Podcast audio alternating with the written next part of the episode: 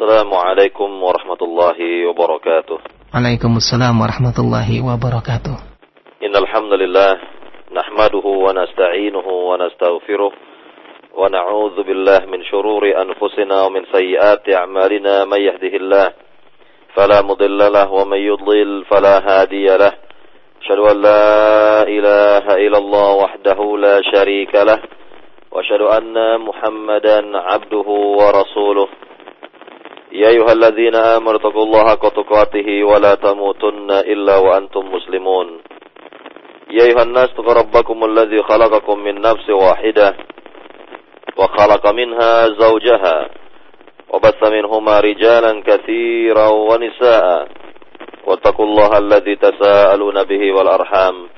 إن الله كان عليكم رقيبا. يا أيها الذين آمنوا اتقوا الله وقولوا قولا سديدا. يصلح لكم أعمالكم ويغفر لكم ذنوبكم. ومن يطع الله ورسوله فقد فاز فوزا عظيما. أما بعد فإن أصدق الحديث كتاب الله وخير الهدي هدي محمد صلى الله عليه وسلم وشر الأمور محدثاتها وكل محدثة بدعة وكل بدعة ضلالة وكل ضلالة في النار. Para pendengar di Raja yang dimuliakan Allah Subhanahu wa taala. Alhamdulillah di pagi hari ini kita bisa kembali melanjutkan pembahasan dari kitab Al-Aqidatu Awwal Law Kanu Ya'lamun. Aqidah terlebih dahulu jika mereka mengetahui karya Syekh Salih Abdul Wahid hafizahullah taala yang telah kita jelaskan pada pembahasan lalu adalah berkenaan dengan iman kepada kitab-kitab suci, yaitu beriman di antaranya kepada Al-Quran Al-Karim yang diturunkan kepada Nabi Shallallahu Alaihi Wasallam bahwa Al-Quran Al-Karim adalah mukjizat terbesar bagi Nabi Muhammad Shallallahu Alaihi Wasallam di mana Al-Quran Al-Karim dijaga dan dipelihara oleh Allah Subhanahu Wa Taala. Dan tidak ada perubahan-perubahan di dalamnya. Tidak ada jin dan manusia yang bisa merubah isi dari Al-Quran Al-Karim lantaran Allah Subhanahu Wa Taala yang telah berjanji untuk menjaganya sebagaimana Allah berfirman dalam surat Al-Hijr ayat 9 Inna nahnu nazzalna dzikra wa inna lahu lahafizun Sungguhnya kamilah yang menurunkan az-zikr yakni Al-Qur'an dan sungguhnya kami pula lah yang akan menjaganya. Inilah janji Rabbul Alamin untuk menjaga keaslian Al-Quran Al-Karim. Kemudian dikatakan bahwa Al-Quran Al-Karim dapat memberikan yakni cahaya kehidupan yang baik pada manusia yang membacanya, yang mempelajarinya dan mengamalkannya.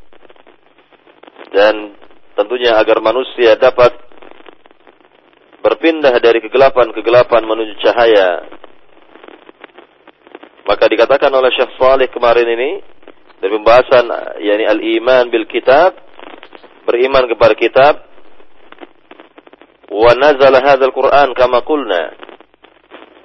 Dan Al-Qur'an ini diturunkan sebagaimana yang kami katakan yang yang telah kami katakan liyankulan nas biizni rabbihim minadh dhulumati ila nur agar manusia dapat berpindah dengan izin Rabbnya dari kegelapan-kegelapan menuju cahaya. La liyuqra al amwat. Al-Quran tidak, tidak, tidaklah dibaca bagi orang-orang yang sudah meninggal. Wala al maqabir dan tidak pula dibaca di atas kubur. Wala yuqaddam wala wala liqaddim hadiyah fil munasabat. Dan tidak pula Al-Quran Al-Karim yakni diberikan sebagai hadiah dalam berbagai macam kesempatan. Innama huwa manhaju hayatil manhaju hayatin lil bashariyah yas'aduna bi.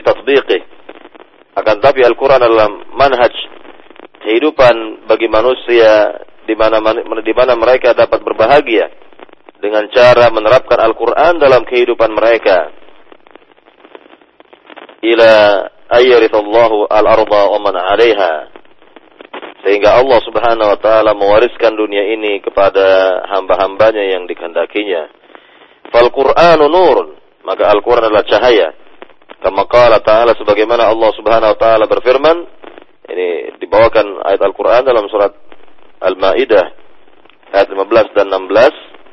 Allah Subhanahu wa taala berfirman, "Qad ja'akum minallahi nur wa kitabun mubin."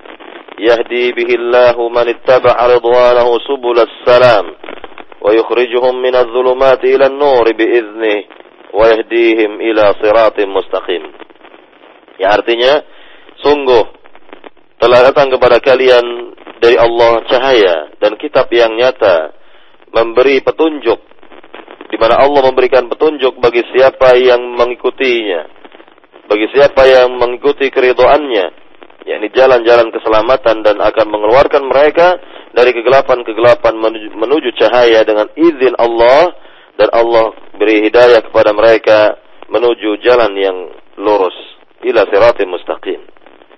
Ya, inilah Al-Qur'an yang telah dijelaskan dahulu bahwa ia adalah manhaj kehidupan bagi seluruh hamba, bagi seluruh manusia, bagi seluruh jin dan manusia bahkan dan ia adalah cahaya bagi siapa saja yang dapat mengikutinya. Maka inilah keterangan yang telah lalu berkenaan dengan Al-Quran Al-Karim dan tentunya uh, Syekh Salih Abdul Wahid mencukupkan pembahasan sampai di sini berkenaan dengan Al-Imanu bi Al-Kitab, beriman kepada kitab. Kemudian para pendengar di Raja yang dimulakan Allah Subhanahu wa taala, Eh, setelah kita mendengarkan keterangan dari Syekh Salih mengenai keimanan kepada kitab-kitab suci, maka sekarang di pagi hari ini kita beralih kepada yakni iman yang berikutnya, iman yang keempat dari rukun-rukun iman yang enam yaitu al-iman bir rusul, beriman kepada rasul-rasul, beriman kepada para rasul. Di sini dikatakan oleh Syekh Salih Abdul Wahid Al-imanu bir rusul ruknun min arkanil iman. Beriman kepada rasul-rasul merupakan rukun dari rukun-rukun iman. Wa aslun min usulil aqidah. Dan pokok dari pokok-pokok aqidah Islam. Lianna Allah azza wa jalla qal. Dikarenakan Allah subhanahu wa ta'ala ber, eh, berfirman yang, tercantum dalam surah Al-Baqarah. Ayat 285. Amana ar-rasulu bima unzila ilaihi min rabbihi wal mu'minun kullun amana billahi wa malaikatihi wa kutubi wa rusulih la nufarriqu baina ahadin min rusulih wa qalu sami'na wa ata'na ghufranaka rabbana wa ilaikal masir ya artinya Rasul beriman terhadap apa yang diturunkan kepadanya dari Rabbnya. Begitu pula dengan orang-orang yang beriman setiap mereka beriman kepada Allah, kepada para malaikatnya, kepada kitab-kitabnya, kepada rasul-rasulnya, dan tidaklah kami membeda-bedakan di antara para rasul tersebut. Dan mereka berucap, kami mendengar dan kami taat. Ghufranaka Rabbana wa ilaikal masir. Ampunanmu wahai Rabb dan kepadamulah kami yakni dikumpulkan. Ya inilah yang berkenaan dengan uh, ayat yang mulia yang menjelaskan tentang keimanan kepada Allah, keimanan, keimanan kepada malaikat, keimanan kepada kitab-kitab, kepada rasul-rasul. Nah, ini di antaranya beriman kepada para rasul. Inilah kewajiban seorang mukmin, kewajiban seorang muslim, yakni beriman kepada seluruh rasul-rasul yang pernah diutus oleh Allah Subhanahu wa taala ke dunia ini tanpa membeda-bedakan di antara mereka, yakni tanpa Eh, menolak e, sebagiannya ataupun beriman kepada sebagiannya yang jelas beriman kepada seluruh rasul-rasul yang pernah Allah utus ke dunia ini. Kemudian juga dibawakan di sini hadis e, Jibril di mana malaikat Jibril bertanya kepada Nabi Shallallahu alaihi wasallam mengenai al-iman. Maka Rasulullah SAW menerangkan tentang al-iman melalui rukun-rukunnya. Beliau mengatakan al-imanu Antu'mina billahi wa malaikati wa kutubi wa rusulih. wal yaumil akhir wa tu'mina bil qari bil qadari khairi wa syarri yaitu beriman itu adalah engkau beriman kepada Allah kepada para malaikatnya kepada kitab-kitabnya kepada rasul-rasulnya kepada hari akhirat dan beriman kepada kadar baik dan buruknya. Ya, ini yang terdapat dalam hadis Jibril yang diriwayatkan oleh Imam Muslim tatkala Nabi SAW ditanya oleh malaikat Jibril, "Fa akhbirni 'anil iman." Kabarkanlah kepadaku apa itu iman. Para pendengar di Roja yang dimuliakan Allah Subhanahu wa taala. Apabila seorang mengingkari sebahagian rasul beriman kepada sebahagian yang lain, maka ini artinya bahwa orang ini mengingkari dan kufur kepada seluruh rasul-rasul yang pernah Allah utus. Karena pada dasar tidak dibenarkan seorang mengimani sebahagiannya dan menolak sebahagiannya. Maka haruslah beriman kepada seluruh rasul-rasul yang pernah Allah utus ke dunia ini. Dikatakan oleh Syekh Saleh di sini, al-kufru bir rusuli kufrun billah wa dalalun ba'id. Lianna Allah qala lianna Allah qala malaikati wa kutubi wa rusuli wal yawmil akhir faqad dhalla dhalalan ba'ida mengingkari rasul-rasul berarti mengingkari Allah, yakni kufur kepada Allah Subhanahu wa taala. Dan ini adalah kesatan yang sangat jauh dikarenakan Allah Subhanahu wa taala berfirman ini bisa kita lihat dalam surat An-Nisa ayat 36 Allah berfirman dan barang siapa yang kufur kepada Allah kepada para malaikatnya, kepada kitab-kitabnya, kepada rasul-rasulnya, kepada kepada hari akhirat, maka sungguh ia telah sesat dengan kesatan yang sangat jauh. Ini dikatakan ya, kufur kepada Allah, kufur kepada malaikatnya dan seterusnya, maka orang yang seperti itu adalah dikatakan berada pada dalalun ba'id, yakni kesatan yang jauh. Para pendengar di roja yang dimulakan Allah Subhanahu wa taala, Dikatakan kembali di sini, "Faman amana billahi wa malaikatihi wa kutubi wa ana wa amana bil hisabi wal ba'ts wan nusyur, walakinahu kufrun walakinahu kafara bir rusuli, fahuwa kafirun billahi kharij an millatil Islam." Maka barang siapa beriman kepada Allah, kepada malaikat-malaikatnya, kepada kitab-kitabnya, beriman kepada hari perhitungan nanti di negeri akhirat, beriman kepada kebangkitan, beriman kepada dikumpulkannya yakni makhluk di negeri akhirat namun ia kufur kepada rasul-rasul maka orang seperti ini telah kafir terhadap Allah dan dapat keluar dari agama Islam. Orang ini terancam keluar dari agama Islam dikarenakan mengingkari salah satu rukun dari rukun-rukun iman adalah kekafiran yang nyata, kekafiran yang jelas dan inilah yang diterangkan oleh para ahli ilmu berkenaan dengan mengingkari salah satu rukun dari rukun-rukun iman yang enam. Para pendengar di rojak yang dimulakan Allah Subhanahu wa taala dikatakan kembali di sini oleh Syekh Salih, "Man amana bi rasulin wa kafara bil akharin, minal kafirin bi nassil Qur'anil Karim." yakni barang siapa beriman kepada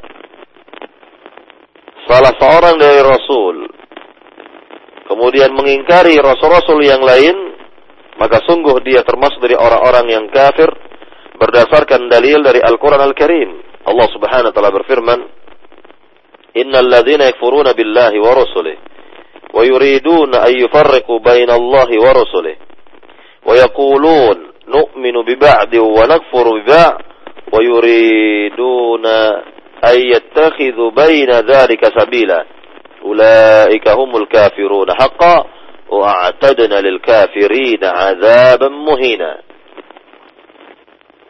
Allah Subhanahu wa taala berfirman yang bisa kita lihat ayat yang mulia ini dalam surat An-Nisa ayat 150 sampai 151 di mana Allah Subhanahu wa taala berfirman yang artinya sungguhnya orang-orang yang kufur kepada Allah kepada rasul-rasulnya.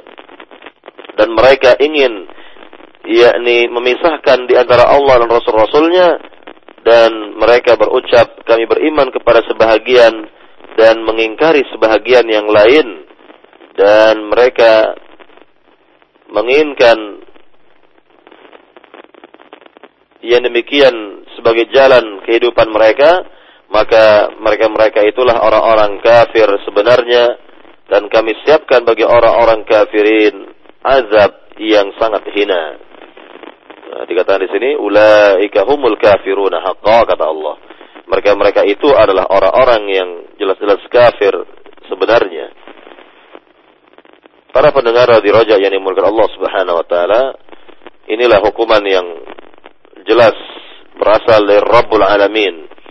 Berasal dari Allah Subhanahu wa taala. Sehingga kewajiban kita sekali lagi bagi seorang yakni kewajiban kita sekali lagi sebagai seorang yang beriman adalah mengimani seluruh rasul-rasul dan tidak membeda-bedakan di antara mereka artinya tidaklah yakni beriman kepada sebahagian dan mengingkari sebahagian yang lain maka bisa kita lihat berkenaan dengan kaum-kaum terdahulu di mana mereka beriman atau di mana mereka mengingkari rasul-rasul yang pernah Allah utus ke dunia ini maka kita lihat sebagai contoh misalnya kaum Nabi Nuh di mana Allah Subhanahu wa taala nyatakan dalam surat Asy-Syu'ara ayat 105 tentang sikap mereka terhadap para rasul, para utusan, kazzabat kaum Nuhin al-mursalin. Kazzabat kaum Nuhin al-mursalin. Ya, kaum Nuh telah mendustakan para utusan. Kaum Nuh telah mendustakan para utusan. Ini lantaran mereka mendustakan, yakni menolak ajaran yang dibawa oleh Nabi mereka Rasul yang pertama Nuh alaihi salam sehingga mereka dikatakan mendustakan seluruh para rasul, mendustakan seluruh rasul-rasul yang pernah Allah utus ke dunia ini. Atau kita lihat lagi tentang kaum Hud di mana juga mereka mendustakan ya, yakni nabi yang mulia Hud alaihi salam. Allah berfirman dalam surat Asy-Syu'ara ayat 123, "Kadzabat 'adunil mursalin." Kaum Ad mendustakan para rasul, mendustakan utusan-utusan Allah Subhanahu wa taala. Atau kita lihat ter, eh, yang terkait dengan kaum Samud, demikian pula kaum Samud yang terdapat dalil dalam surat yang sama itu surat Asy-Syu'ara ayat 141, "Kadzabat Samudul mursalin." Kaum Samud telah mendustakan para rasul. Nah, ini tentang uh, yakni konsekuensi apabila seorang mendustakan satu saja rasul yang pernah Allah utus ke dunia ini berarti ia mendustakan seluruh rasul-rasul yang pernah Allah utus ke dunia ini. Ini adalah ganjaran dan konsekuensi bagi siapa yang mengingkari sebahagiannya beriman kepada sebahagian yang lain.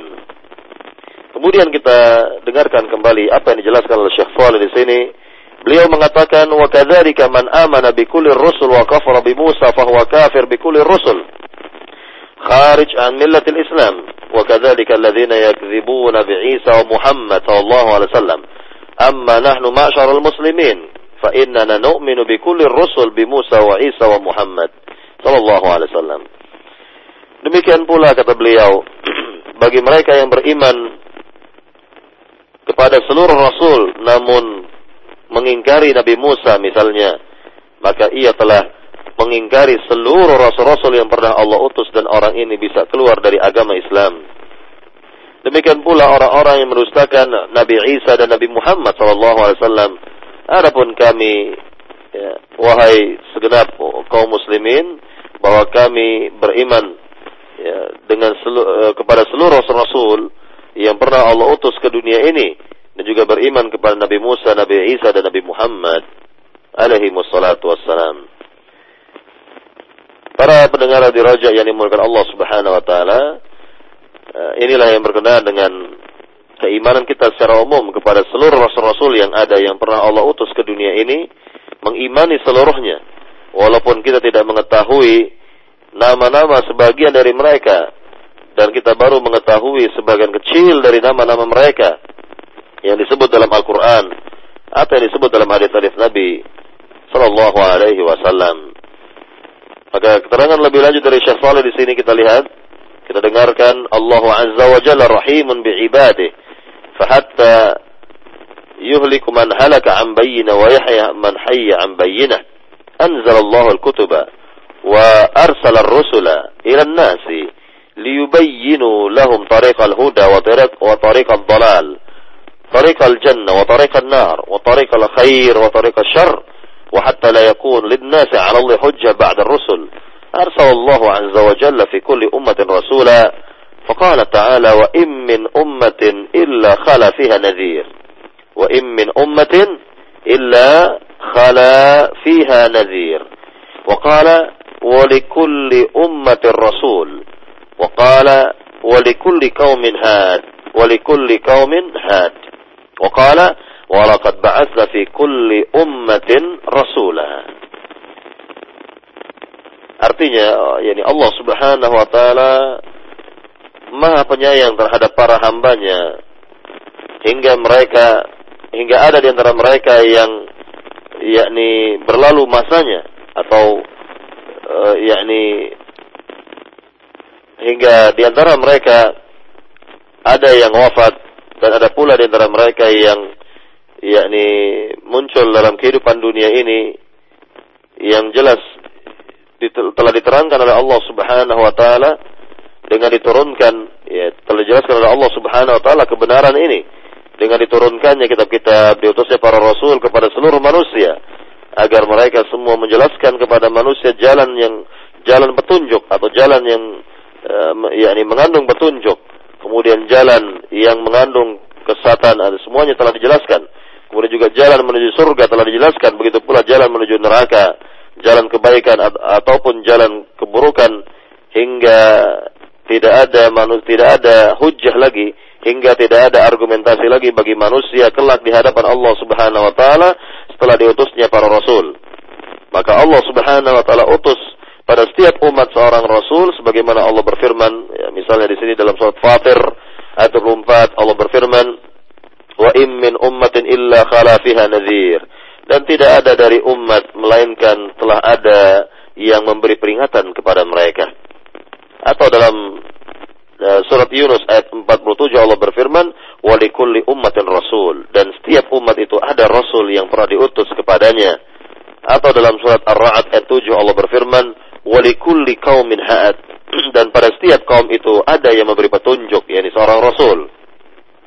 Atau dalam surat An-Nahl ayat 34, ayat 36 yakni walaqad ba'atsna fi kulli ummatin rasula dan sungguh kami telah mengutus pada setiap umat seorang rasul. Nah, ayat-ayat yang mulia ini menjelaskan kepada kita semua tentang rasul-rasul yang telah diutus oleh Allah Subhanahu wa taala kepada masing-masing umat. Masing-masing umat memiliki rasul atau seorang nabi. Nah, sudah barang tentu mereka lah yang bertanggung jawab Eh, di dalam menerangkan kepada umat-umat mereka mengenai jalan kebaikan. Jalan-jalan yang memberi petunjuk. Jalan-jalan yang dipenuhi dengan cahaya ilahi. Nah, inilah tugas dari para nabi, tugas dari para rasul menerangkan menerangkan kepada mereka kebaikan-kebaikan dan juga menjelaskan kepada mereka atau memperingatkan kepada mereka tentang keburukan-keburukan. Kemudian Para pendengar di Roja yang dimuliakan Allah Subhanahu wa taala, kita lihat kembali di sini keterangan dari beliau wa aqidatuna ma'syarul muslimina fir rusul annahum minal bashar laisu aliha wa laisu minal malaikah wa idza kana al-amru kadhalik anna ar-rusula minal bashar fahum yamradun wa ya'kulun wa yashrabun wa yamshuna fil aswaq wa yatazawwajun wa yamutun ويتعرضون للأمراض والمهن والابتلاءات كما يتعرض البشر dan termasuk dari akidah kita sebagai umat Islam terhadap para rasul bahwa mereka semua adalah manusia biasa dan bukanlah Tuhan. Mereka bukan pula malaikat. Maka jika demikian keadaannya, yakni bahwa rasul-rasul itu adalah manusia biasa sama seperti kita, maka mereka pun mengalami sakit. Mereka but, yakni butuh makan, mereka perlu minum, mereka berjalan di pasar-pasar, mereka menikah, mereka meninggal. Dan mereka ya mendapatkan ya atau sakit dan mengalami cobaan-cobaan, ujian-ujian sebagaimana yang dialami oleh manusia-manusia lainnya. Nah, inilah yang kita fahami, yang kita yakini bahwa para rasul yang Allah utus ke dunia ini adalah manusia biasa sama seperti kita tidak ada bedanya. Tidak ada bedanya. Maka kita lihat keterangan-keterangan di bawah ini dari dalil Al-Qur'an yang menjelaskan bahwa mereka adalah manusia biasa sebagaimana contoh dalam surat Al-Kahfi ayat yang terakhir dari surat Al-Kahfi ayat 110 di mana Allah berfirman, "Qul innama ana basyarum mithlukum." Katakanlah wahai Muhammad, sungguhnya aku ini manusia biasa sama seperti kalian. Atau bisa kita lihat lagi ayat yang lain dalam surat Ibrahim ayat 11 Allah berfirman, "Qalat lahum rusuluhum innahnu illa basyarum mithlukum." Qalat lahum rusuluhum innahnu illa basyarum mithlukum. Ini berkata Rasul-Rasul kepada mereka semua bahwa sungguhnya kami ini adalah manusia biasa sama seperti kalian. Ya, kemudian kita lihat lagi dalam dalil yang lain dalam surat Al-Furqan ayat 20 di mana Allah berfirman, "Wa ma arsalna qablaka minal mursalin illa innahum la yaquluna at-ta'am wa yamshuna fil aswaq. Waja'alna ba'dakum li ba'din fitnatan atasbirun wa kana rabbuka basira." Dan tidaklah kami mengutus sebelum engkau wahai Muhammad dari para rasul melainkan mereka makan makanan dan berjalan di pasar-pasar. Kemudian kami jadikan sebagian-sebagian yang lain sebagai ujian. Apakah kalian bersabar? Wa kana rabbuka basiran. Allah Rabbmu maha melihat atas, atas yang demikian. Maha melihat atas atas yang demikian. Ini yang terdapat dalam surat Al-Furqan ayat 20 atau misalnya lagi kita lihat dalil yang lainnya dalam surat Al-Maidah ayat 75 di mana Allah Subhanahu wa taala menerangkan tentang Nabi Isa alaihissalam sebagai manusia biasa. Allah berfirman mengenai Nabi Isa, "Mal Masih ibnu Maryam illa rasulun qad khalat min qablihi ar-rusul wa ummu siddiqah kana ya'kulani at-ta'am." Unzur kaifa nubayyinu lahum al-ayat thumma unzur anna yufakun. Adapun Al-Masih bin Maryam tiadalah melainkan beliau seorang rasul yang telah berlalu sebelumnya rasul-rasul dan dan ibunya adalah wanita yang sangat jujur. Kemudian keduanya baik Isa maupun Maryam keduanya makan makanan.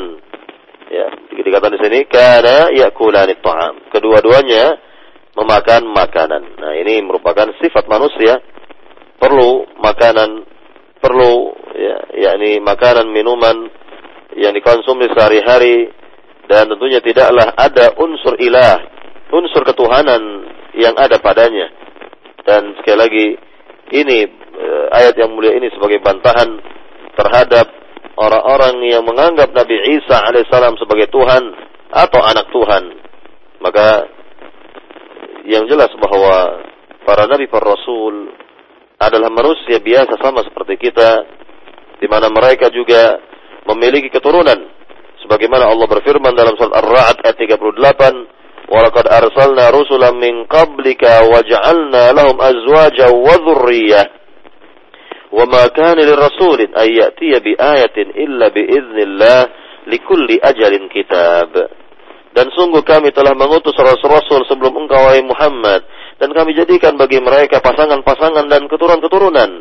Dan tidaklah ya, ada seorang rasul ya, yang didatangkan dengan petunjuk kecuali dengan izin Allah di kulli ajalin kitab. Bahwa setiap yakni ajal itu terdapat dalam kitab terdapat dalam al ya, kitab yakni yang terdapat dalam lahul mahfuz. Ini yang berkenaan dengan keterangan dari Rabbul Alamin bahwa mereka adalah manusia biasa yakni buktinya adalah bahwa mereka memiliki keluarga, memiliki anak, memiliki istri dan jelas ini adalah kehidupan biasa, kehidupan sebagai manusia. Begitu pula dengan Nabi akhir zaman, Nabi kita Muhammad sallallahu alaihi wasallam. Maka dikatakan wa rasul wa rasulun al-karim sallallahu alaihi wasallam yaqul ولكني أصوم وأفطر وأصلي وأرقد وأتزوج النساء Faman raghiba an sunnati falaysa minni. Demikian pula Rasul kita Nabi Muhammad sallallahu alaihi wasallam pernah bersabda dalam hadis yang sahih yang masyhur, "Adapun aku berpuasa dan berbuka, aku salat dan aku pun tidur dan aku menikahi wanita, maka barang siapa yang tidak senang dengan sunnah, maka bukanlah ia tergolong dari yakni umatku ini." Nah inilah yang dikatakan oleh Nabi Muhammad SAW sebagai uh, nabi akhir zaman, penutupnya para nabi, semulia-mulia para rasul. Beliau juga sebagai manusia biasa sama seperti kita. Ya, demikian pula yang bisa kita lihat misalnya dalam surat Ibrahim tentang doa Nabi Ibrahim alaihissalam misalnya yang menjelaskan tentang posisi beliau sebagai seorang hamba, sebagai seorang makhluk. Muqimas salati wa min dhurriyyati. Rabbana wa taqabbal du'a. Ya, ini berkenaan dengan yakni doa Nabi Ibrahim alaihissalam dan di dalamnya yang menjadi syahid dalam dalam ayat yang mulia ini adalah yakni keturunan yang beliau miliki wa min zurriyati dan dari keturunanku kata Nabi Ibrahim dalam doanya ini dalam firman Allah Subhanahu wa taala yang bisa kita lihat dalam surat Ibrahim ayat 40 ya, ayat 40 maka dikatakan di sini dalilun ala anna ar-rusul lahum dzurriyyah ayat-ayat ini menunjukkan bahwa para rasul memiliki keturunan. Maka lihatlah misalnya lagi kepada Nabi Yakub alaihissalam. Ketika menjelang wafatnya beliau eh, yakni memanggil seluruh anak-anaknya. Dan berkata kepada mereka semua di mana perkataan Nabi Yakub ini tercantum dalam surat Al-Baqarah ayat 133 Nabi Yakub berkata dalam firman Allah Subhanahu wa taala, "Ma ta'buduna min ba'di?" Qalu na'budu ilahaka wa ilaha abaik Ibrahim wa Ismail wa Ishaq ilaha wahida wa nahnu lahu muslimun. Ma na'budu ma ta'buduna min ba'di. Yani apa yang yani apa yang akan kalian sembah nanti atau siapa yang akan kalian sembah nanti setelah aku meninggal? Qalu mereka berucap, yani anak-anaknya ini berucap, kami semua akan menyembah Tuhanmu dan Tuhan nenek moyangmu, itu Tuhannya Ibrahim, Tuhannya Ismail dan Ishak, Tuhan yang satu dan kami berserah diri kepada Allah Subhanahu wa taala. Nah, ini menunjukkan bahwa nabi yang mulia ini memiliki keturunan dan semua keturunannya serempak untuk beribadah kepada Allah Subhanahu wa taala beribadah hanya kepada Allah dan tidak kepada yang lainnya. Maka kita lihat seperti Nabi Zakaria misalnya ketika beliau berdoa dan tercantum dalam surat Ali Imran ayat 38 hunalika da'a Zakaria rabbah. Qala rabbi habli min ladunka dzurriyyatan thayyibah innaka sami'ud du'a. Dan ketika Zakaria berkata atau berdoa kepada Rabbnya. Ia berkata dalam doanya, Rabbi habli min ladunka dzurriyyatan thayyibah. Wahai Rabbku, karuniakanlah kepada diriku dari simu keturunan yang baik. Innaka sami'ud du'a. Sungguhnya engkau maha mendengar doa hamba yang meminta kepadanya. Nah inilah doa Nabi yang mulia Nabi Zakaria memohon keturunan, meminta keturunan kepada Rabbul Alamin. Di mana ayat yang mulia ini menjelaskan kepada kita tentang uh, Nabi Zakaria sebagai manusia biasa sama seperti yang lainnya, sama seperti kita yang di mana ia menginginkan keturunan, maka ia memohon kepada Allah Subhanahu wa taala keturunan dan ini menunjukkan bahwa beliau adalah manusia biasa Kemudian pula berkenaan dengan wafatnya para nabi sama seperti wafatnya yakni manusia-manusia yang lainnya ya sebagaimana dikatakan dalam surat Az-Zumar 30 mengenai wafatnya seorang nabi innaka mayyitun wa innahum mayyitun. Innaka mayyitun wa innahum mayyitun. Sungguhnya engkau wahai Muhammad ini akan mengalami kematian sebagaimana mereka dahulu mengalami kematian. Jadi para nabi dahulu juga demikian mengalami kematiannya. Atau misalnya lagi dalam surat Al-Anbiya ayat 34 di mana Allah Subhanahu wa taala berfirman, "Wa ma ja'alna li basharin min qablikal khuld afa fahumul khalidun." Dan tidaklah kami jadikan bagi seorang manusia yakni sebelummu kekekalan hidup di dunia ini. Arti tidak ada seorang pun manusia kekal hidup untuk selama-lamanya di dunia ini. Apa imitta fahumul khalidun. Maka apabila engkau dimatikan nanti, diwafatkan nanti, apakah mereka semua itu kekal? ya, ini kekal dalam kehidupannya, nah, tentunya tidak demikian. Jadi sekali lagi bahwa eh, ayat yang mulia ini menjelaskan bahwa para nabi, para rasul adalah manusia biasa yang akan mengalami kematiannya. Di mana mereka semuanya akan wafat. Sebagaimana yang kita lihat dari nabi pertama sampai nabi yang terakhir. Kecuali Nabi Isa alaihissalam yang telah diangkat oleh Allah subhanahu wa ta'ala terlebih dahulu ke langit dan nanti akan didatangkan ke dunia ini dan akan wafat di dunia ini. Para pendengar di rojak yang dimulakan Allah subhanahu wa ta'ala kita lihat yang berikutnya tentang ujian-ujian yang diterima oleh para nabi, cobaan-cobaan kehidupan yang diterima oleh para nabi yang menunjukkan bahwa mereka ini adalah manusia biasa. Misalnya yang kita lihat pada Nabi Ayub alaihissalam, di mana beliau mengalami sakit yang luar biasa, sakit yang berkepanjangan, lebih dari 10 tahun beliau mengalami sakit, sehingga Allah Subhanahu Wa Taala mengatakan tentang Nabi Ayub ini dalam surat Sad ayat 144 Inna wajadnahu sabira ni'mal abdu innahu awwab Sungguhnya kami mendapatkan Ayub itu termasuk hamba kami yang bersabar dan dialah sebaik-baik hamba. Ya, ni'mal abd dikatakan. Ia adalah sebaik-baik hamba. Jadi Nabi Ayub alaihissalam ketika ditimpa musibah berupa sakit ya, tiba musibah sakit oleh Allah Subhanahu wa taala, maka sikapnya adalah bersabar. Nah, inilah yang dialami oleh seorang nabi yang mulia, yakni bisa mengalami sakit. Demikian pula Nabi Muhammad pernah mengalami sakit, panas yang beliau alami ya, dan juga yang lainnya yang pernah beliau alami. Nah, inilah keterangan tentang uh, para nabi, para rasul yang merupakan bashar, yakni manusia biasa sama seperti kita. Dan kita lihat lagi pada ayat yang lainnya mengenai Nabi yang mulia ini, Nabi Ayub dalam surat Al-Anbiya ayat 83 dan 84 di mana Allah berfirman mengenai uh, Nabi Ayub alaihissalam, "Wa Ayyub idna nada rabbahu anni massani dhur wa anta arhamur rahimin." Fastajabna lah fakashafna ma bihi min dhur wa atainahu ahlahu wa mithlahum ma'ahum rahmatan min indina wa dzikra lil 'abidin. Dan Ayub ketika memohon kepada Rabbnya, sungguhnya aku telah ditimpa yakni satu kesulitan, yakni penyakit, dan engkau adalah zat yang maha penyayang.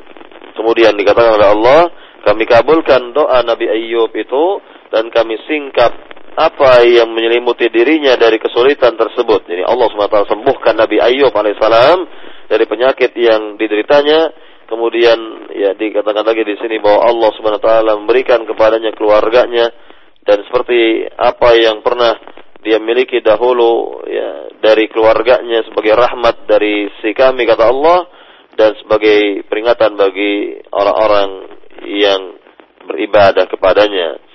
Nah, inilah yang kita lihat tentang Nabi yang mulia ini. Diuji, diberi ujian oleh Allah Subhanahu wa taala dengan penyakit yang luar biasa yang kita yakin bahwa apabila penyakit tersebut ada pada orang-orang lain, tentunya tidak akan sanggup untuk menanggungnya.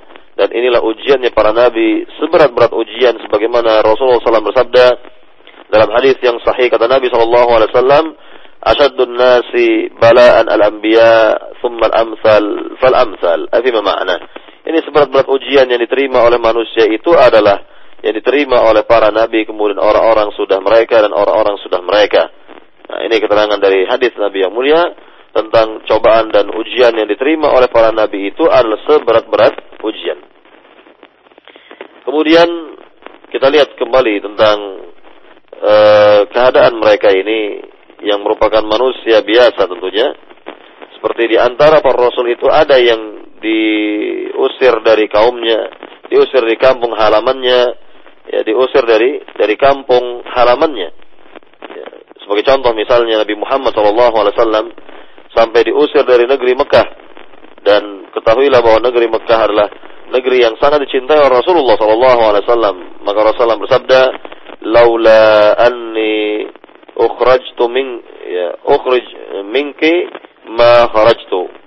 ya jika, seandainya aku ini tidaklah dikeluarkan ya laula anni ukhrijat minki ma kharajtu seandainya aku ini tidak dikeluarkan oleh orang-orang kafir Quraisy itu darimu ya, dari negeri Mekah ini, maka aku tidak akan keluar dari negeri Mekah ini. Nah, inilah yang kita lihat dari keadaan para nabi para rasul ya seluruhnya saja bahwa mereka adalah manusia biasa namun para nabi dan rasul itu diberi kelebihan-kelebihan oleh Allah Subhanahu wa taala yang memang tidak sampai kepada manusia yang lainnya seperti kita ini sebagaimana diterangkan oleh Syekh Saleh di sini beliau mengatakan infarada al-anbiya war rusul anil bashar bi ba'd al-umur allati ja'at fil kitab wa sunnah jadi para nabi para rasul diberikan kelebihan-kelebihan oleh Allah Subhanahu wa taala yang tidak Allah berikan kepada yang lainnya dan yang demikian terdapat dalam Al-Quran dan Sunnah keterangannya. Ya, misalnya yang pertama, apa kelebihan yang Allah berikan kepada para Rasul ini? Yang pertama bahwa mereka diberikan oleh Allah wahyu. Diberikan oleh Allah Subhanahu wa taala wahyu. Maka dikatakan di sini oleh Syekh Salih, "Ikhtasallahu azza wa jalla anbiya'ahu wa rusulahu bi an uhiya ilaihim duna sa'iril bashar."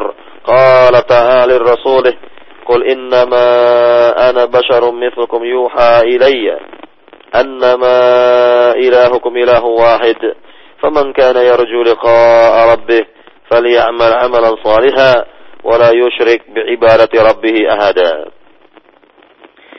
Allah subhanahu wa ta'ala memberikan kekhususan kepada para nabinya dan rasulnya yaitu di mana Allah memberikan wahyu kepada mereka dan tidak diberikan wahyu kepada yang lainnya sebagaimana Allah Allah Subhanahu wa taala berfirman kepada nabinya yang mulia Kul katakanlah wahai Muhammad Sungguhnya aku ini adalah manusia biasa seperti kalian, namun diwahyukan kepadaku uh, bahwasannya ilah kalian adalah ilah yang esa dan barang siapa menginginkan perjumpaan dengan Robnya maka hendaknya ia beramal dengan amal yang salih dan tidak berbuat syirik kepadanya dalam ibadah.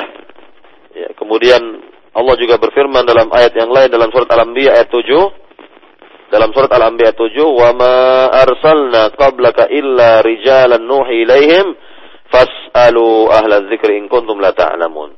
Dan tidaklah kami mengutus sebelum engkau wahai Muhammad melainkan ya, orang-orang yang kami berikan wahyu kepada mereka, maka bertanyalah kepada ahli ilmu jika kalian tidak mengetahui.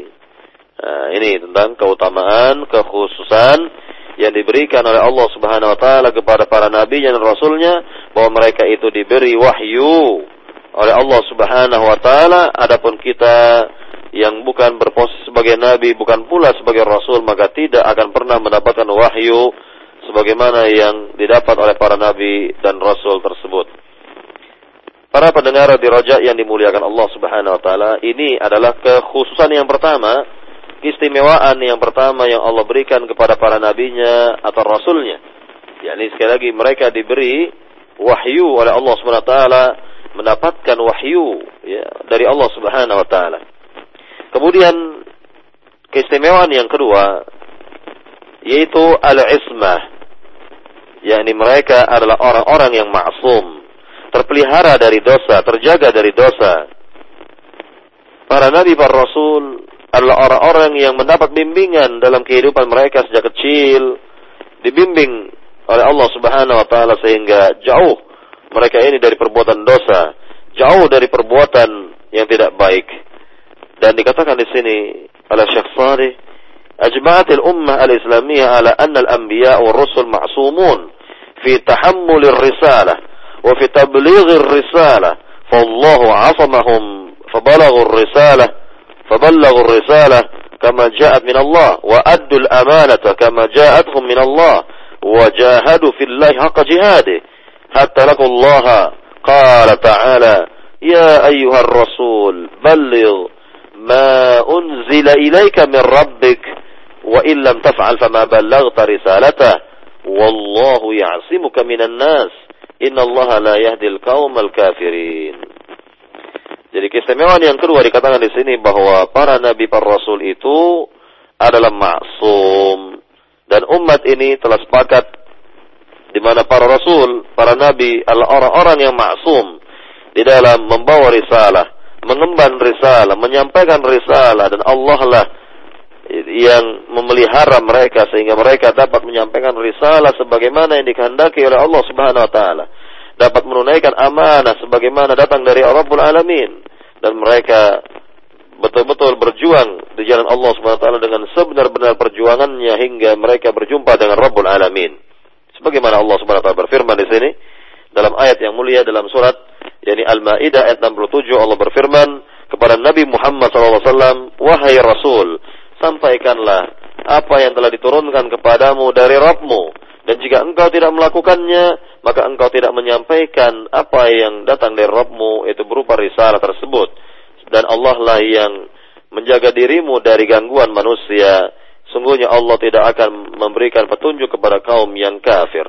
Nah ini keterangan dari Rabbul Alamin tentang Nabi Muhammad SAW yang dijaga yang dijaga oleh Allah Subhanahu wa taala dari intimidasi manusia, yang dijaga perbuatan-perbuatannya dan seterusnya oleh Allah Subhanahu wa taala. Kemudian kita lihat kembali di sini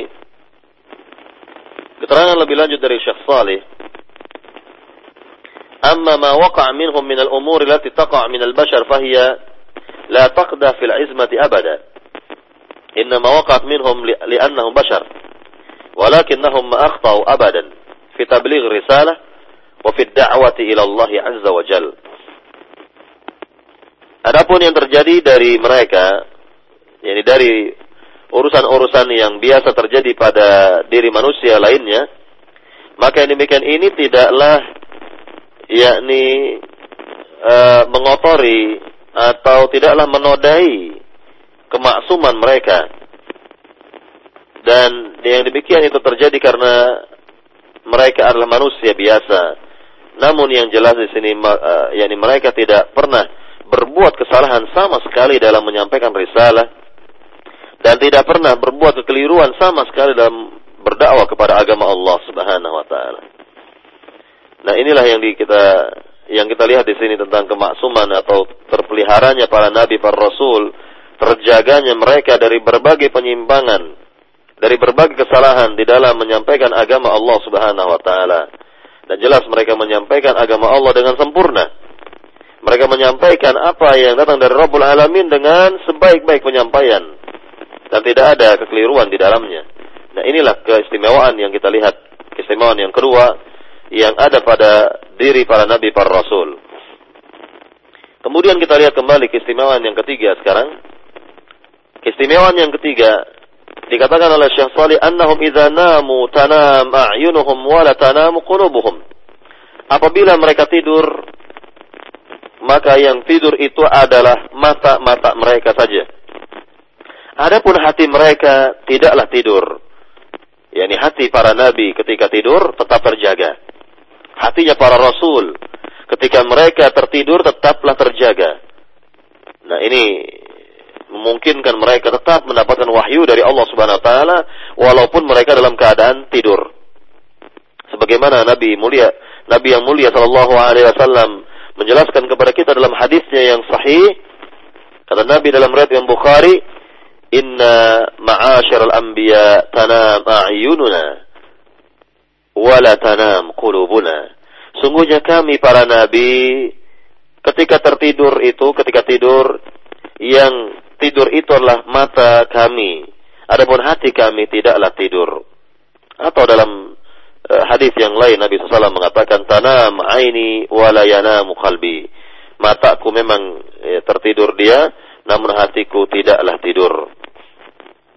Inilah keistimewaan yang uh, Allah berikan kepada para nabinya, kepada para rasulnya, yang menunjukkan bahwa mereka adalah orang-orang yang terjaga, orang-orang yang terpelihara, betul-betul dijaga hatinya oleh Allah Subhanahu wa taala dan siap menerima wahyu kapan pun ya walaupun mereka dalam keadaan tertidur tetap ya yakni siap eh, mendapatkan wahyu dari Allah Subhanahu wa taala. Kemudian yang keempat, kita lihat keistimewaan yang keempat yang dimiliki oleh para nabi para rasul. Innahum idza maradu marad al-maut khayyira khayru baina dunya wal akhirah apabila mereka sakit yang mengantarkan kepada kematiannya, maka Allah Subhanahu wa taala berikan pilihan kepada mereka. Apakah mereka ingin memilih hidup selamanya di dunia ataukah mereka memilih kehidupan akhirat yakni diwafatkan oleh Allah Subhanahu wa taala. Nah, inilah keistimewaan lagi yang dimiliki oleh para nabi para rasul apabila mereka ya, yakni hendak wafat atau menjelang wafatnya diberikan dua pilihan terlebih dahulu oleh Allah Subhanahu wa taala imam mereka hidup di dunia ini untuk selamanya ataupun mereka yakni memilih untuk diwafatkan oleh Allah Subhanahu wa taala.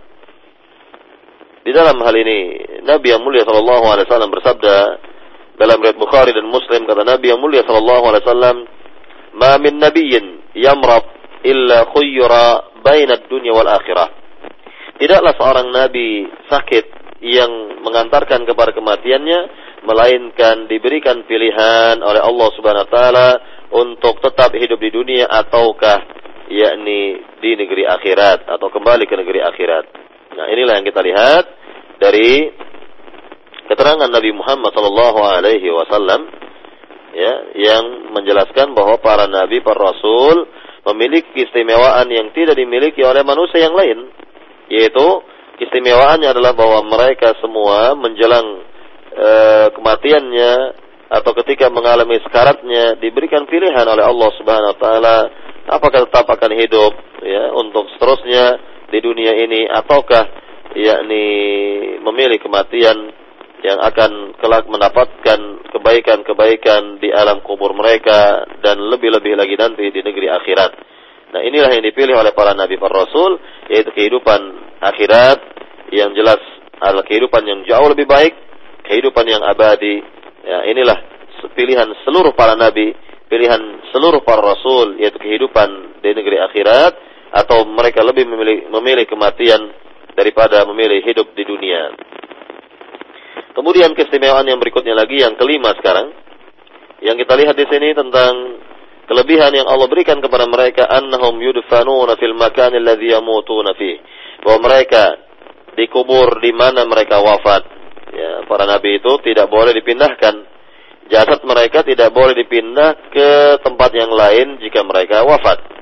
Di mana mereka wafat di sanalah dikuburkan. Dan itulah yang dikehendaki oleh Allah Subhanahu wa taala.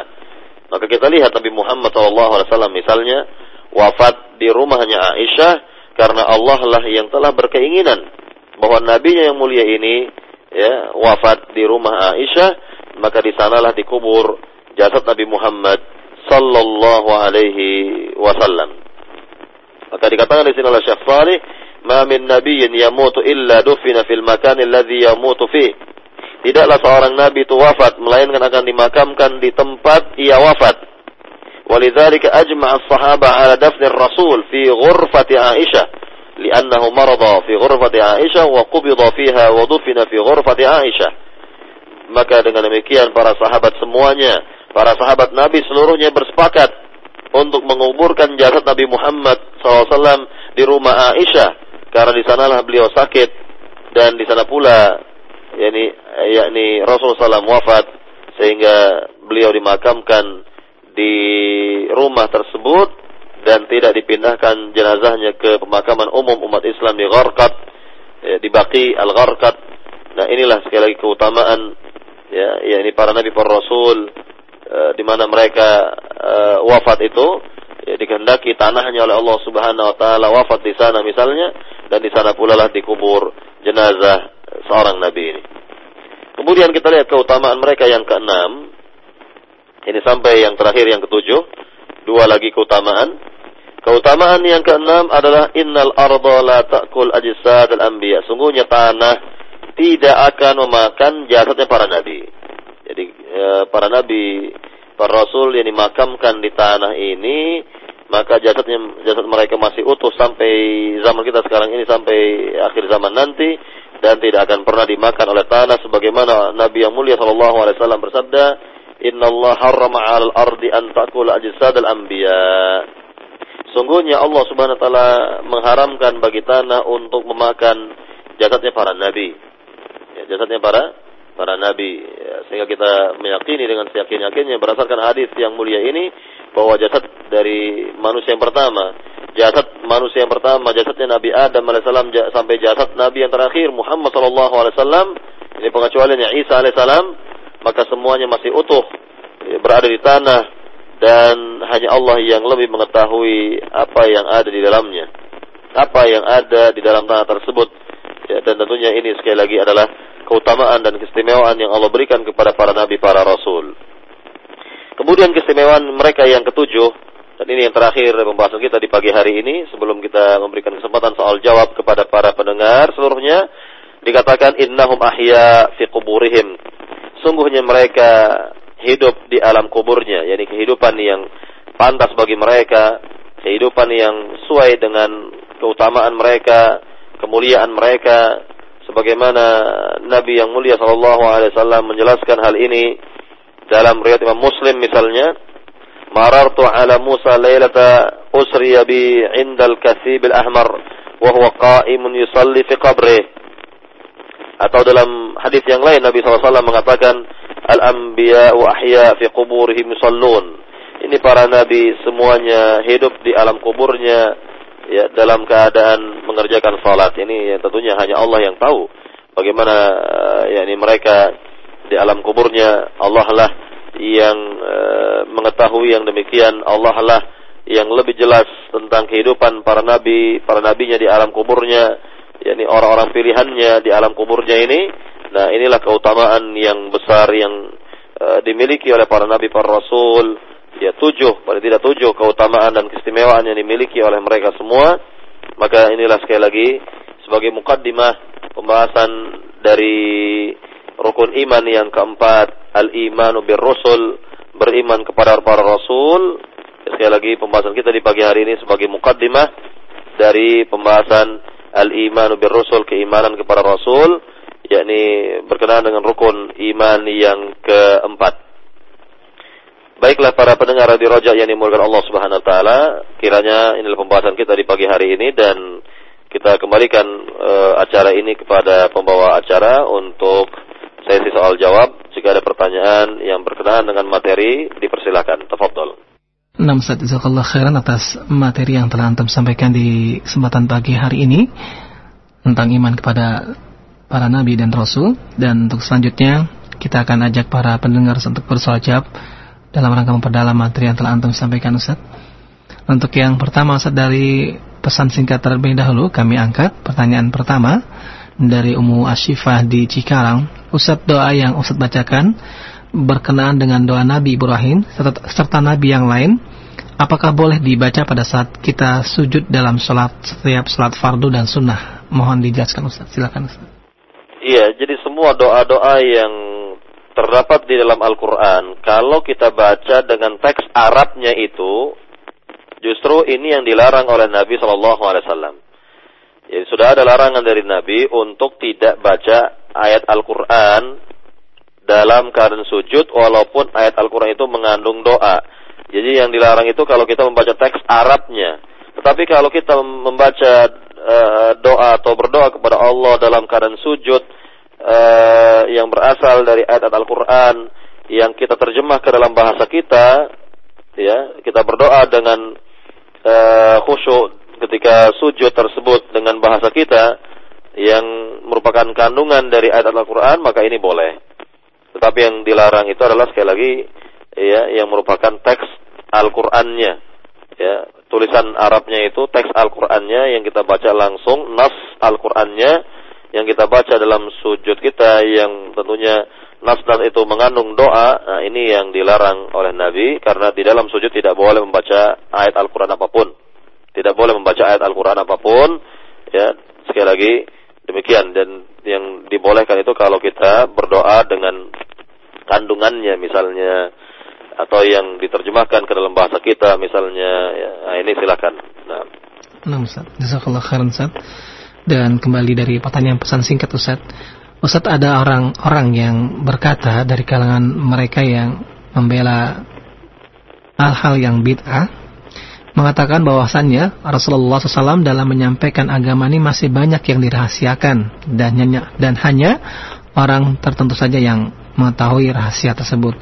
Apakah hal ini benar? Baik, orang-orang yang memiliki keyakinan seperti ini jelas bahwa ia telah uh, memfitnah Nabi Muhammad wasallam, telah menuduh uh, yang bukan-bukan terhadap Nabi wasallam dikarenakan Nabi wasallam telah menyampaikan seluruh ajaran Islam. Nabi telah memberikan apa yang ada pada dirinya dan tidak ada yang disembunyikan sebagaimana Rasul bersabda dalam hadis riwayat Imam At-Tabrani kata Nabi yang mulia sallallahu alaihi wasallam syai'un yuqarribu ila al-jannah wa yubaidu 'anil nar illa wa qad buyina lakum tidak ada satupun ajaran yang tertinggal yang dapat mendekatkan kalian ke surga dan dapat menjauhkan kalian dari api neraka melainkan sudah aku jelaskan melainkan sudah aku terangkan nah inilah keterangan yang sangat jelas dari Nabi SAW tentang tentang ajaran agama ini yang semuanya telah dijelaskan Rasul SAW yang semuanya telah diterangkan oleh Nabi semuanya telah diberikan oleh beliau dan tidak ada satupun ajaran yang tertinggal. Maka bagi mereka yang mengira ya yang berkeyakinan bahwa ada ajaran yang disembunyikan oleh Nabi Muhammad SAW maka jelas ia telah uh, memfitnah Nabi Muhammad wasallam dan tentunya ucapan seperti ini atau keyakinan ini keyakinan yang tidak baik, keyakinan yang dapat yakni dikatakan kufur kepada Rasul wasallam dan mengingkari ayat Al-Qur'an sekaligus mengingkari ayat Al-Qur'an. Maka apa gunanya apa yakni gunanya Allah taala turunkan ayat dalam surat Al-Maidah 3 Al-yauma akmaltu lakum dinakum pada hari ini telah kusempurnakan bagimu agamamu. Agama Islam telah sempurna menurut Allah Subhanahu wa taala. Jadi orang yang berkata seperti itu menunjukkan bahwa orang ini tidak faham ayat yang mulia tadi, al-yauma akmaltu lakum dinakum dan sekaligus ia membantah ayat yang mulia tersebut, membantah Rabbul Alamin e, dan ini sangatlah berbahaya sekali. Tentunya kita berlindung kepada Allah Subhanahu wa taala dari keburukan-keburukan ya sebagian makhluk, dari penyimpangan-penyimpangan sebagian orang dan tentunya e, kita mohon kepada Allah agar tetap diberikan hidayah menuju jalan yang lurus. Ya. Nah. Nah, Ustaz. Baik, untuk selanjutnya kami angkat dari pendengar kita yang pertama melalui telepon dengan Abu Khadijah di Jakarta. Silakan Bapak. Assalamualaikum. Waalaikumsalam warahmatullah. Tadi Ustaz menjelaskan bahwa Nabi dan Rasul itu masuk. Nah, di sini ada riwayat atau sejarah Nabi Musa pernah bertindak untuk memukul seseorang sampai mati. Apakah hikmah dan pelajaran dari kejadian ini? Dan yang kedua, tadi uh, Ustaz mengatakan bahwa uh, Nabi dan Rasul itu jasadnya tidak termakan oleh bumi dan dalam keadaan sholat apakah bagi orang-orang yang soleh, orang pilihan Allah yang jasa tidak dimakan oleh bumi, itu sama dengan Nabi dan Rasul tetap sholat di alam kubur. Allah khairan. Assalamualaikum warahmatullahi wabarakatuh. Waalaikumsalam warahmatullahi wabarakatuh. Terima kasih Abu Khadijah kepada Ustaz. Silakan Ustaz. Para pendengar yang dimuliakan Allah Subhanahu wa taala, eh, tadi dikatakan bahwa para nabi para rasul adalah orang-orang yang maksum, yang terpelihara dari dosa, terpelihara dari kesalahan-kesalahan, tentunya dalam hal penyampaian risalah, dalam hal dakwah, dalam hal penyampaian ajaran-ajaran Allah Subhanahu wa taala, maka apa yang mereka sampaikan tidak ada kekeliruannya, tidak ada kesalahannya, terpelihara dari seluruhnya. Adapun tadi yang dikatakan oleh e, penanya bahwa Nabi Musa pernah memukul orang misalnya ataupun yang yang lain yang lainnya dari e, kisah sebagian para nabi yang kita ketahui itu e, itu adalah sifat manusia biasa, bashar. Mereka adalah manusia biasa sama seperti kita dan tentunya eh, Allah Subhanahu wa taala segera maafkan nabinya yang mulia tersebut. Allah Subhanahu wa taala telah memaafkan perbuatan nabinya itu dan ini justru menunjukkan tentang kemaksuman mereka semua. Menunjukkan tentang kemaksuman mereka seluruhnya sehingga mereka wafat dalam keadaan bersih, tidak memiliki dosa sama sekali. Ya. Kemudian yang berikutnya lagi dari pertanyaan yang kedua mengenai keadaan para nabi di alam kubur. Nah, ini adalah kehidupan yang istimewa yang Allah berikan kepada mereka semua bahwa Allah Subhanahu wa taala haramkan bagi tanah untuk memakan jasadnya para nabi sehingga tubuhnya para nabi seluruhnya di tanah ini adalah utuh utuh dari sejak yakni mereka dimakamkan sampai zaman kita ini utuh. Tidak ada tidak berkurang sama sekali. Tidak ada yang berkurang sama sekali. Dan bahkan di dalam hadis tadi dikatakan bahwa Nabi Musa misalnya ya, atau nabi-nabi yang lain mereka mengerjakan ibadah salat. Nah, tentunya ini hanya Allah yang tahu bagaimana mereka mengerjakan salat, bagaimana mereka ya, ini di alam kuburnya dan seterusnya hanya Allah yang lebih mengetahui. Kita hanya mengimani apa yang datang dari Nabi, kabar-kabar yang datang dari Nabi sallallahu alaihi wasallam. Adapun orang-orang saleh selain para nabi para rasul yang uh, barangkali jasad mereka adalah utuh, uh, tentunya ini tidak sama persis seperti uh, para nabi para rasul yang memang sudah diberikan keistimewaan oleh Allah Subhanahu wa taala. Ya, sekali, sekali lagi tidaklah sama persis ya, tidaklah sama persis seperti yang Allah berikan kepada para nabi para rasul. Ya, Allah Subhanahu wa taala Maha berkehendak atas segala sesuatu Allah Subhanahu wa taala Maha kuasa atas segala sesuatu dan semuanya ini kita serahkan kepada Rabbul Alamin Allah Subhanahu wa taala namun jangan sampai ada keyakinan eh, seperti yang diyakini oleh sebagian orang bahwa orang-orang saleh selain dari para nabi para rasul hidup di alam kuburnya sehingga kata mereka ini kita bisa meminta ya memohon kepadanya dan kita jadikan ia sebagai wasilah perantara kepada Allah Subhanahu wa taala. Nah, ini sudah e, hal seperti ini sudah menyimpang tentunya dan e, keyakinan seperti ini sebagaimana keyakinan orang-orang jahiliyah dahulu, keyakinan orang-orang musyrikin dahulu bahwa mereka minta kepada e, kubur-kubur misalnya lantaran mereka meyakini yang dikubur adalah orang saleh, wali dari wali-wali Allah Subhanahu wa taala yang hidup di alam kuburnya yang dapat menyampaikan apa saja yang kita minta kepada Allah Subhanahu wa taala melalui hamba salih yang sudah meninggal ini. Nah, ini sekali lagi syubhat yang ada pada orang-orang musyrikin dahulu yang diwariskan kepada sebagian orang-orang di zaman kita sekarang ini dan tentunya inilah kebatilan dan dapat menjurus kepada syirik dan hendaknya kita mengikhlaskan semua ibadah kepada Allah semata, berdoa hanya kepada Allah, meminta kepada Allah Subhanahu wa taala dan bukan kepada si mayit, kepada orang yang sudah wafat. Ya kita tidak boleh kita tidak dibenarkan meminta kepada Nabi Muhammad yang sudah wafat apalagi orang-orang di bawah beliau secara derajatnya derajat atau kedudukannya eh, tentunya kita hanya berdoa dan mohon kepada Rabbul Alamin kepada Allah Subhanahu wa taala. Nah. Nah, Baik, Ustaz, kita angkat berikutnya dengan pendengar kita di Sulawesi Utara dengan Abu Zahra. Silakan Bapak. Halo, Assalamualaikum. Waalaikumsalam warahmatullahi Afwan, Ustaz, ini anak mau tanya, Ustaz. Uh, apa kira-kira hikmah di balik bahwa Rasulullah SAW itu diutus di negeri Arab dengan pertimbangan bahwa adanya para ustadz-ustadz yang kemudian berdakwah dan coba untuk melemahkan hadis-hadis yang berkenaan dengan perilaku Nabi Misalnya mereka berkata bahwa baju gamis itu adalah tradisi Arab.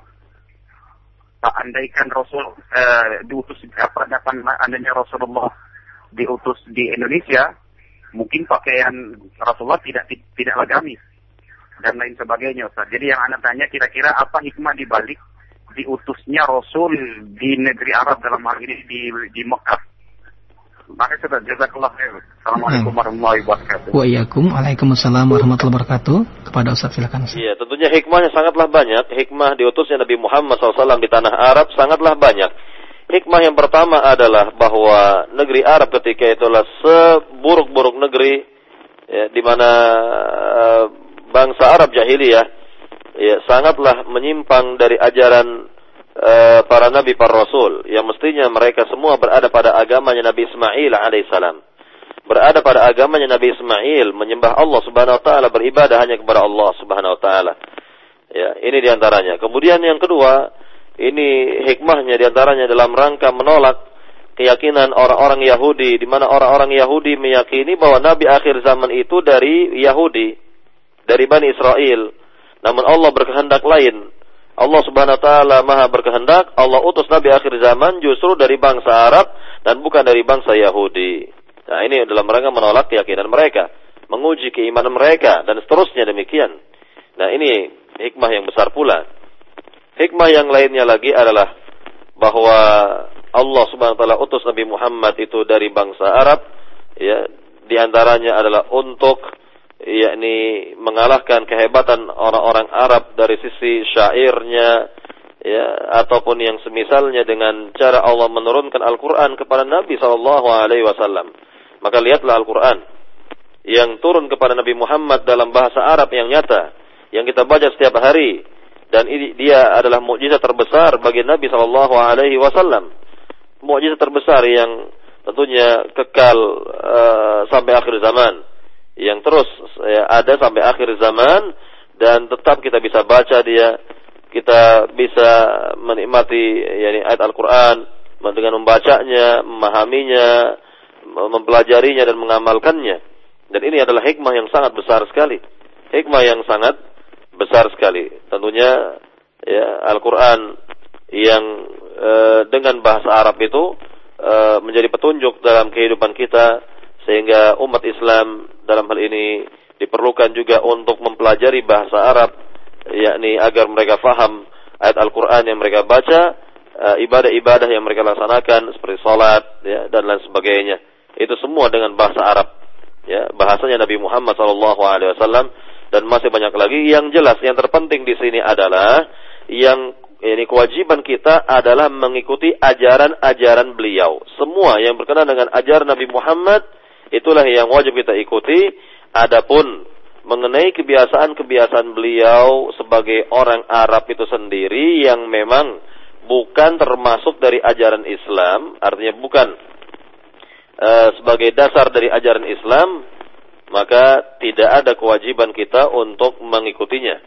Tidak ada kewajiban kita untuk meniru beliau sallallahu alaihi wasallam ya misalnya dikatakan tadi bahwa dikatakan kalau bangsa Arab dahulu atau sejak dahulu mereka pakai gamis, maka memang tidak ada kewajiban bagi umat Islam e, seperti di negeri kita untuk demikian ya e, dan jelas ini bukanlah permasalahan yang mendasar dalam agama ini wallahu taala alam. Yang jelas Nabi Muhammad SAW telah menerangkan garis-garis ya yakni dalam agama ini ketentuan-ketentuan dalam agama ini apakah dalam berpakaian, dalam bermuamalah dan lain sebagainya.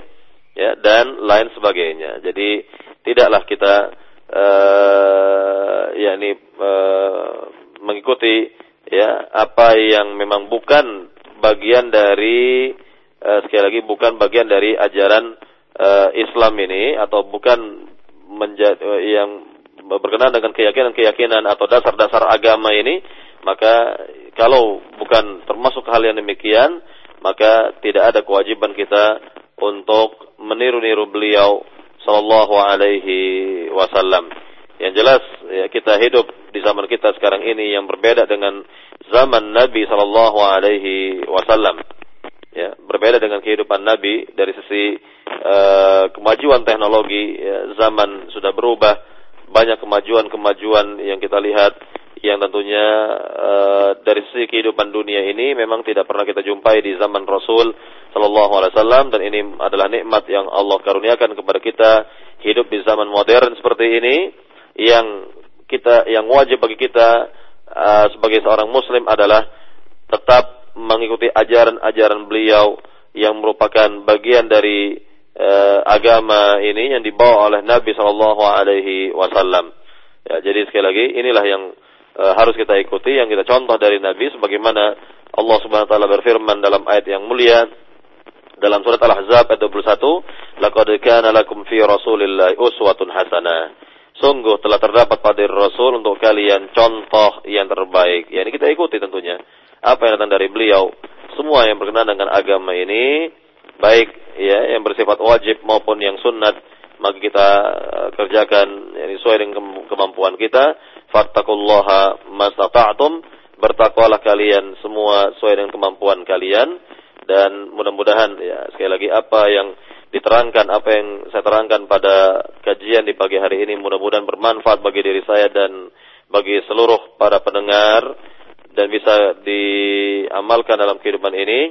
Dan tentunya uh, lebih kurangnya saya mohon maaf uh, apabila ada hal-hal yang keliru dalam penyampaian ya saya mohon maaf dan tentunya datang dari diri pribadi ya, dan uh, sekali lagi mudah-mudahan apa yang disampaikan ini bermanfaat bagi kita semua Lebih kurangnya saya mohon maaf. Allah taala alam sanabiyana Muhammad walhamdulillah rabbil alamin.